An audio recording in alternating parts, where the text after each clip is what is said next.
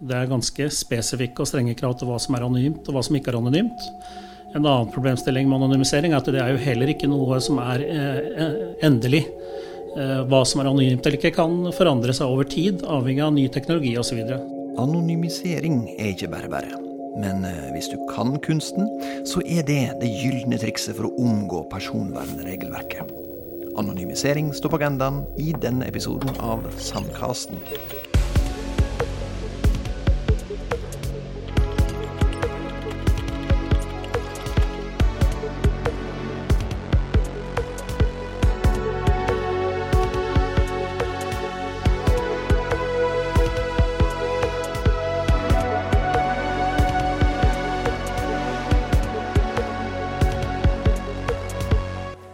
Hei, jeg heter Arild Oppheim og jobber i Datatilsynets regulatoriske sandkasse for ansvarlig kunstig intelligens. Jepp, det har krevd litt øvelse å huske akkurat det utenat. Men poenget med ei regulatorisk sandkasse, det er at Datatilsynet ikke bare skal være et politi som kommer med pekefingeren når noen bryter personvernparagrafene. I sandkassa skal vi være kreative og konstruktive. Vi skal leke og lære sammen med gründere og organisasjoner som vil utvikle KI-teknologi i tråd med godt personvern. Og her i Sandkassen får du høre hvordan det går. Nei, først og fremst gratulerer. Takk, takk. Jo, vi, vi, er veldig fornøyd. Nå er det bare jeg som er her, da, men resten av teamet er også veldig fornøyd. ja. Hvordan er det å bli plukka ut? Det er vi klart veldig, veldig glad for. Og jeg er jo positivt overraska si, for å bli valgt ut. Fordi eh, det har jo vært eh, trangt nåløye. Søkerlister er jo veldig tunge aktører og, og, og, gode kandidater hele gjengen. Så det er vi veldig fornøyd med, så klart. Slik høres det ut da jeg ringte daglig leder Karl Trygve Kalleberg for å gratulere med at Agelabs var plukka ut for deltakelse i Sandkassa. Og ja, som han sier, det var et trangt nåløye. Mange gode kandidater. Og det vi så, var at blant alle disse gode kandidatene, så var det spesielt mange søknader fra helsesektoren. Kunstig intelligens er på full fart inn i den sektoren som håndterer de kanskje aller mest sensitive personopplysningene våre. Og der er det virkelig viktig at enhver form for KI er ansvarlig. Det som er viktig, er at man sørger for at de som starter disse prosjektene, de som starter disse selskapene, har et høyt bevissthetsnivå rundt ansvarligheten rundt dette her. Akkurat det å skjønne hva eh, er eh, innenfor, og hva kan være utenfor, og, og i hvert fall da følge veiledninger, eh, se på lovverk, skaffe seg den kompetanse de trenger for å kunne gjøre dette på en måte som da dekker dette ansvarlighetsprinsippet. Dette er Eirik Gulbrandsen. Han er seniorteknolog i Datatilsynet og tilknytta Sandkassa. Og det er et veldig viktig poeng at hvis man gjør personvernsiden av dette riktig i en startfase, så tidlig som mulig, eh, så får man jo eh, også større gevinst etter hvert. Fallgrubben for et selskap eh, vil jo kanskje være å bruke mye tid og ressurser på å utvikle en løsning, for å så komme i en produksjonsfase, og så få beskjed om at måten dere har gjort det på nå, det er ikke greit innenfor personvernregelverket. Dere må gå tilbake til start, eller ikke gjøre det dere gjør nå. Så det er jo egentlig litt av kjernen her er å prøve å komme inn så tidlig som mulig og for begge parter skjønne så godt som mulig hva er utfordringene, hvor er mulighetsperspektivet, eh, og prøve å gjøre det riktig eh, så tidlig som mulig. Eirik var en av de som sorterte og prioriterte søknadsbunken til Sandkassa, og altså var med på å plukke ut Karl Trygve. Og det han og Agelabs ønsker, er å bruke maskinlæring på epigenetiske data for å predikere diagnoser, altså forutse sykdom, så tidlig som mulig. Gjerne lenge før du har fått tydelige symptom på sykdommen befolkningen vår blir eldre, og uh, det kommer til å være flere og flere folk som er pensjonerte. Så det er veldig viktig at vi holder oss friske. Uh, og det er liksom litt av målet av selskapet vårt. da. Fange opp sykdom tidlig, forebygge sykdom uh, og holde folk friske lenger. Og det bruker de altså kunstig intelligens, eller maskinlæring, for å få til. Kjernen i, i, i prosjektet er at vi, vi driver og lager diagnostiske prøver i AgeLabs. Um, det er altså blodprøver som vi tar fra folk, og vi ser på endringer i genene etter hvert som, som uh, tiden går. altså Hvordan genene oppfører seg. Ikke hva genene er, vi ser ikke på genetiske data, vi ser på reguleringen, hvilke gener som er slått på og av. Og endringen av de um, genene over tid sier noe om sykdomsutviklingen. Du kan fange opp ganske tidlig hva som skjer. Men i prinsippet så er jo dette helsedata. ikke sant? det er ganske uh, inngående helsedata òg, uh, hvis du ser på, på alt under ett. Uh, så det vi graver i, i, prosjektet vårt, er OK, for et subsett for et spesifikk problemstilling, for en problemspesifikk sykdom, kan vi hente ut et lite sett av dataene, ikke alle, alle epigen, altså hele epigenomet, men bare deler av det. Og kan vi bruke det subsettet i en anonymisert form til å gjøre maskinvaren vår flinkere over tid til å stille diagnose tidlig.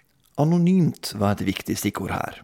Og for meg, en vanlig mann av kjøtt og gene, så virker det pussig at det i det hele tatt er mulig å anonymisere informasjon om genene våre, som vel er det mest personspesifikke og identifiserende som fins. Clouet ligger vel her egentlig at uh, det vi trenger å vite, er faktisk ikke genetisk informasjon. Så um, litt sånn biologi ja, vi tar oss eh, tid til en liten biologitime, og da er det heldig for oss at Karl Trygve ikke bare har en doktorgrad i informatikk og er ekspert på prediktive analyser og maskinlæringsalgoritmer, han er òg utdanna lege. Genene er jo noe du er født med, så genene dine er konstant gjennom livet. Det er det som gjør at du er du. Men um, alle cellene dine de har uh, de samme genene, kopi. Så å si prikk likt. Hver gang du blir lagt en ny celle, så får han kopi av de opprinnelige genene du ble født med. Men til tross for at alle cellene har de samme genene, så oppfører cellene seg ulikt. Noen celler ble til tarmceller, noen celler ble til hjerteceller, noen celler ble til ei øyeceller, kanskje, noen ble til hjerneceller. Og eh, det vil si at Hver celle egentlig har en konfigurasjonsinnstilling, kan jeg kanskje si. da. Hvilke gener er det som skal ha slått på i denne cella, og hvilke gener er det som er slått av. Og Det er akkurat de konfigurasjonsinnstillingene vi ser på. Hvilke gener som er på, og hvilke gener som er av. Eh, og det er ikke eh, personspesifikke. Nøyaktig hvilken genvariant du har og hvilken genvariant jeg har, det kan du ikke finne ut av bare ved å se på konfigurasjonen. Og den konfigurasjonen her, den er, det vi ser på, da, eh, er noen små kjemiske justeringer. Altså flagg eller lapper, kan en kanskje si, da, som sitter oppå genene, bokstavelig talt. Derav ordet epi, da, epigenetikk, sitter opp, oppå gensekvensen. Uh, og, og det, Den markøren vi leser av, det er en sånn superenkel kjemisk sak. Det er et karbonatom, altså en C, og så er det tre hydrogenatomer som sitter på. Det er flagget. Og Det vi ser er jo hvor står det flagget? Hvor, hvor i genene dine står det flagget? Står det på, står det av? Hvor mye på er det? Hvor mye av er det? Og eh, Det vi trenger å vite, er plasseringer og antallet av disse små flaggene. Men vi trenger ikke vite primærsekvensen. Vi trenger ikke vite nøyaktig hvilken gensekvens du har for å kunne si noe om sykdom. Og derfor har du frikobla si, de identifiserende leddene, hvilken gensekvens du har, fra selve reguleringen som vi trenger å se på. da. Er det sånn at uh, Teoretisk sett så kan uh, du og jeg ha nøyaktig samme uh, konfigurasjon, altså epigenetikken, men vi er forskjellige fordi vi ikke har det samme utgangspunktet er genetisk?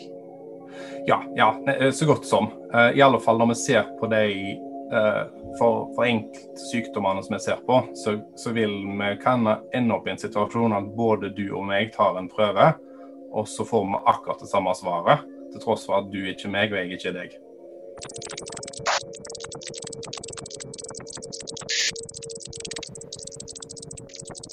Det var dagens biologitime. Så hva skal AgeLabs få hjelp med i sandkassa?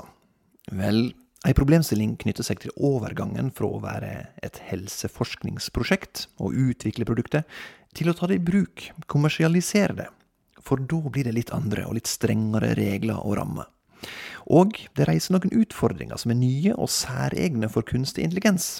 For ideelt sett så er jo KI et evigvarende forsknings- og utviklingsprosjekt vi, vi, driver jo og lager det som kalles kanskje algoritmedrevet blodprøver. da. At vi, har, vi måler ting fra blodet, og så bruker vi maskinlæringsalgoritmer på å gjenkjenne mønstrene.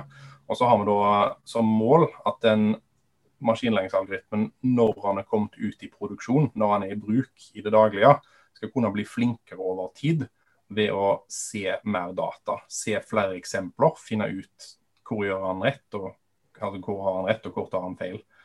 Uh, og, og, I den sammenhengen så, så har vi et ønske om da at uh, det, det kaller vi etterlæring. da, altså det At maskinen lærer å bli flinkere etter at den er bygd første gangen. Det er på mange måter en slags sånn etterlærings... Um, uh, hva skal jeg si da, um, aktivitet.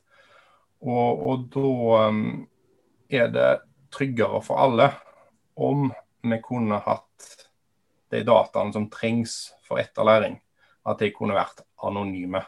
Dvs. Si at det ikke var mulig uh, å se for seg eller være i stand til å reidentifisere dataene som den maskinen lærer på etterkant. Uh, det er en ting at det er bra for regelverket. Det er kanskje av og til litt mindre uh, hva skal jeg si, juridisk komplisert da, å få tak i dataene på løpende basis på en sånn måte. Men òg for personvernet så vil det jo så klart være en fordel at det ikke er noe identifiserende der. Så det er jo det vi har på mange måter altså, tatt som som, som problemstillinger med til sandkassen hos Datatilsynet. For bestemte typer sykdommer som vi ser på, da snakket om leddgikt i stad, uh, og for bestemte etterlæringsproblemer rundt det å stille diagnosen leddgikt, kan vi se for oss at det går an å lage en anonymiseringsstrategi der vi faktisk kan få disse her helsedataene anonyme, reelt sett. Uh, og uh, hvordan setter vi det opp da i et sånn system arkitekturmessig, da? Sånn at vi fremmer etterlæring etter hvert som tingene går i produksjon.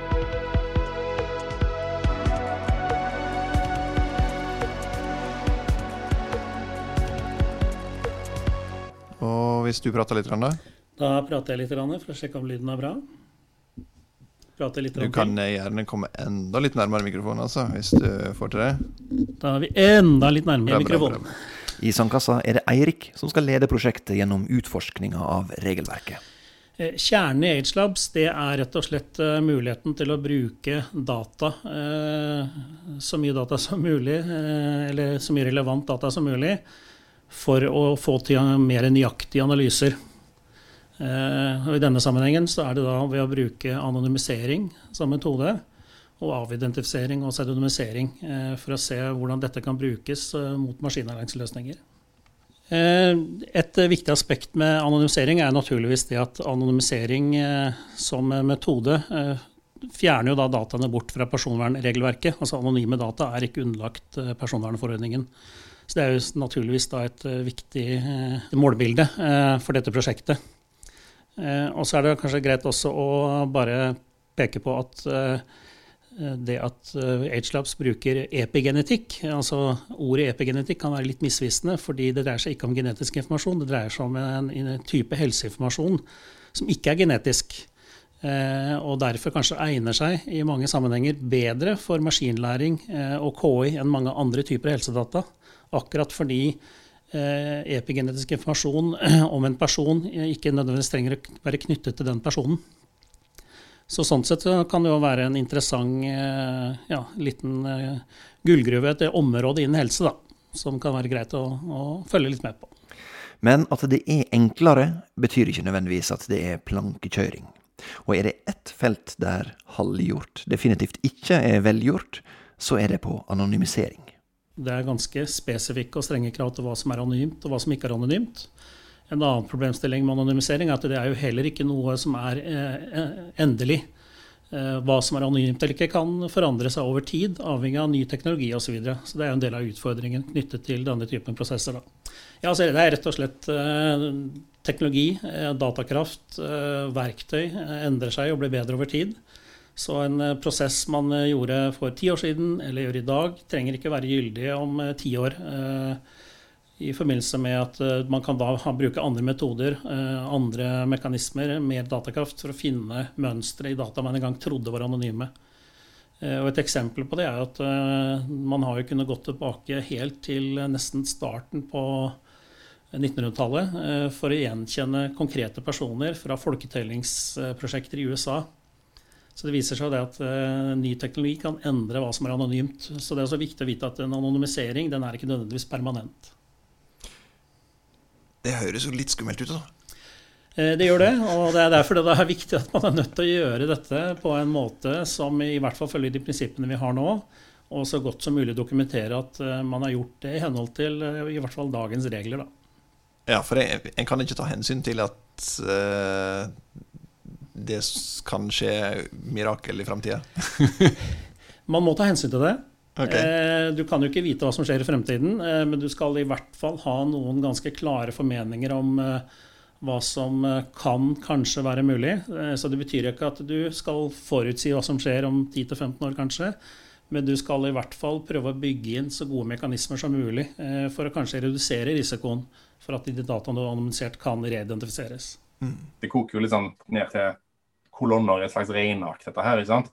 Uh, og jo flere kolonner du har i dette regnearket, hvis du tenker deg om, dess lettere er det å finne den unike personen. Og så er jo noen kolonner som er litt mer sensitive enn andre. og Da blir det alltid en sånn vurdering. ok, Hver enkelt av de er kanskje OK, men hvor mange kan du sette sammen og kombinere og fortsatt være sikker på at det er noenlunde anonymt. Og ja, og, der, der, er vi jo for så vidt i den heldige situasjonen at for det første, mange av de tingene vi måler her, er jo veldig variable fra måling til måling. Altså, Gener er noe som er ganske konstant, for enten så har du eller så har du ikke den mutasjonen. Men når det gjelder epigenetikk eller høyde og vekt, eller spesielt vekt kanskje, men, eh, og, og, andre ting, så varierer det jo fra måned til måned eller fra prøve til prøve. Og spesielt hvis du tar med noen desimaler. Så, uh, så det å spille sammen da, til å gjøre at dette datasettet er på ingen måte noe så lett å bruke til å reidentifisere noen med, bare å ha de dataene der. Så altså, hvor mange kolonner kan du ha i regnearket, og hva kan stå i disse kolonnene, før det begynner å bli mulig å reidentifisere individer som skjuler seg i datasettene? Og i Agelabs-prosjektet så får de virkelig testa seg i anonymisering, pseudonymisering og avidentifisering.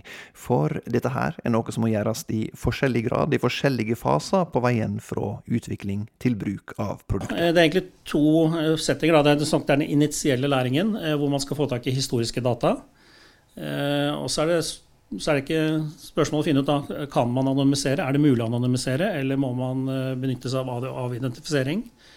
Og i bruksfasen her, altså i den kliniske fasen, så snakker vi uansett om å bruke avidentifiserte data, for da skal man nå tilbakeføre resultatet til pasientene. Eh, men det er i den siste fasen, altså denne etterlæringsfasen, hvor det er mulig å bruke rene, anonyme data. Eh, fordi denne modellen som skal trenes opp, trenger ikke å vite hvilke pasienter den eh, lærer av. Den trenger bare vite mønstrene og diagnosene den skal måle opp mot. Er det eh, først og fremst en teknologisk utfordring, eller er det mm, juridisk eh? eh? Det er litt av alt. Eh, naturligvis juridisk og regulatorisk. Det er en del teknologi, og så er det mye metode. Og så må man også skjønne dataene man jobber med, som i denne sammenhengen. Også forskjellen på DNA-opplysninger og epigenetiske opplysninger, den er viktig. Og ellers da ha en forståelse for helse og helseopplysninger. Eh, I denne sammenhengen er det så viktig å få med seg at det er ikke bare blodprøvene som skal analyseres, det er jo også metadata knyttet til blodprøvene. Eh, I denne sammenhengen, eh, konkrete sammenhengen så er det alder og kjønn. Men det kan også være det at mer metadata kan være med på å gi bedre resultater, f.eks. medisinbruk hos pasienten. Men da snakker vi om en helt annen utfordring eh, når vi snakker om anonymisering og pseudonymisering enn bare alder og kjønn f.eks. Og det er denne typen avklaringer man må finne ut. Hvor mye data skal vi ta med for å få best mulig resultater? Og hvor går det eventuelt en grense for hva som kan være anonymt og avidentifisert?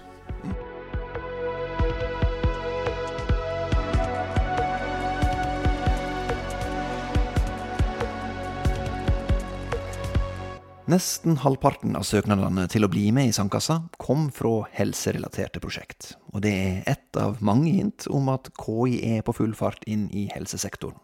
Og at det skaper mange nye problemstillinger, som f.eks. når du vil bruke maskinlæring på epigenetiske data for å predikere sykdom. Selv om akkurat det, å predikere sykdom, i seg sjøl ikke er noe revolusjonerende nytt. Karl Trygve understreker at det har ekte intelligens på legekontoret gjort i lang tid. Altså, hvis du snakker om sånn prediktiv diagnostikk, om hvordan det går i framtida, sånn, så kan det høres ganske avansert ut. fordi det skal jo alltid høres litt avansert ut hvis du er et nytt selskap. Men vi bruker jo så klart i klinikken i dag, da, på sykehus og på fastlegekontorene, så bruker vi det som kan kalles prediktive biomarkører. Da, veldig fint, men, men, men, folk kjenner det helst som høyt blodtrykk. Altså blodtrykk er en såkalt uh, hva skal jeg si da, Eh, det er et mål som sier noe om det kommer til å gå dårlig eller bra med deg i framtida. Hvis du har høyt blodtrykk, så har du høyt risiko for å utvikle hjertesykdom og hjerneslag, bl.a. Selv om høyt blodtrykk i seg selv, for folk flest som har litt høyt blodtrykk, de kjenner ikke det fra dag til dag og øyeblikk til øyeblikk. Det er en veldig sånn snikende situasjon. Men det er høyt blodtrykk over tid som, som gjør at du kreperer til slutt med disse sykdommene. da. Og Tilsvarende med høyt kolesterol, som folk har hørt om. Det er jo en annen type biomarkør som vi bruker i klinikken i dag, som sier noe om framtidig sykdom, fordi det er en risikofaktor. da.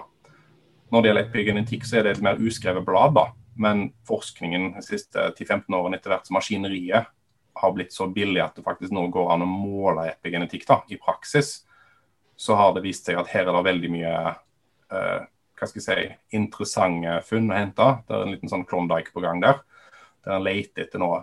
Det er som kom til et nytt terreng, et ny vista. Du har kommet over en ny haug, og så ser du rundt omkring og ser ok, men her er det en del ting vi ikke har gravd i før. Her er det mye eh, godt materiale, ser det ut som. Og det kan kanskje også kalles et Klondyke, det som skjer på anonymiseringsfronten i Europa. Muligens som en reaksjon på GDPR, som feirer tre år i disse dager? Ja, eh, det er mange initiativer i Europa når det gjelder eh, anonymisering. Eh, og det er mye, mange som jobber med det. Mye arbeidsgrupper i diverse utvalg osv. Mye debatter, mye dialog, mye veiledning som kommer. Akkurat fordi anonymisering da kan være en effektiv metode på å håndtere store mengder data uten at man trenger å forholde seg til personvernregelverket. Eh, og så er det også hevdet at i noen sammenhenger at eh, anonyme data eh, er Går det an å lage helt anonyme data? og svaret på det kan strides til lærdom. Noen sier at det, kan, det, er aldri mulig at ting er helt anonymt. men det er også viktig å, å ha det for seg at data er enten ikke anonyme eller anonyme.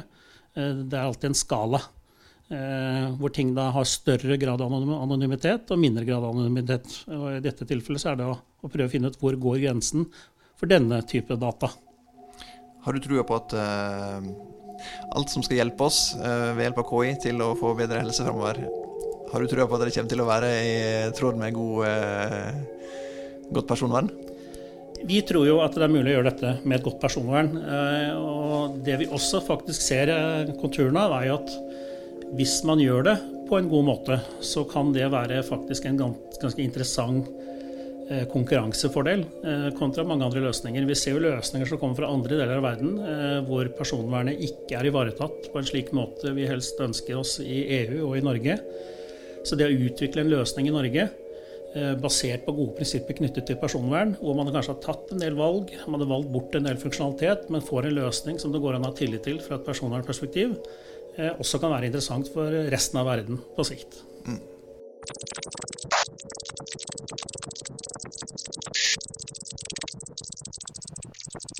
I neste episode av Sangkasten skal du få høre om Secure Practice.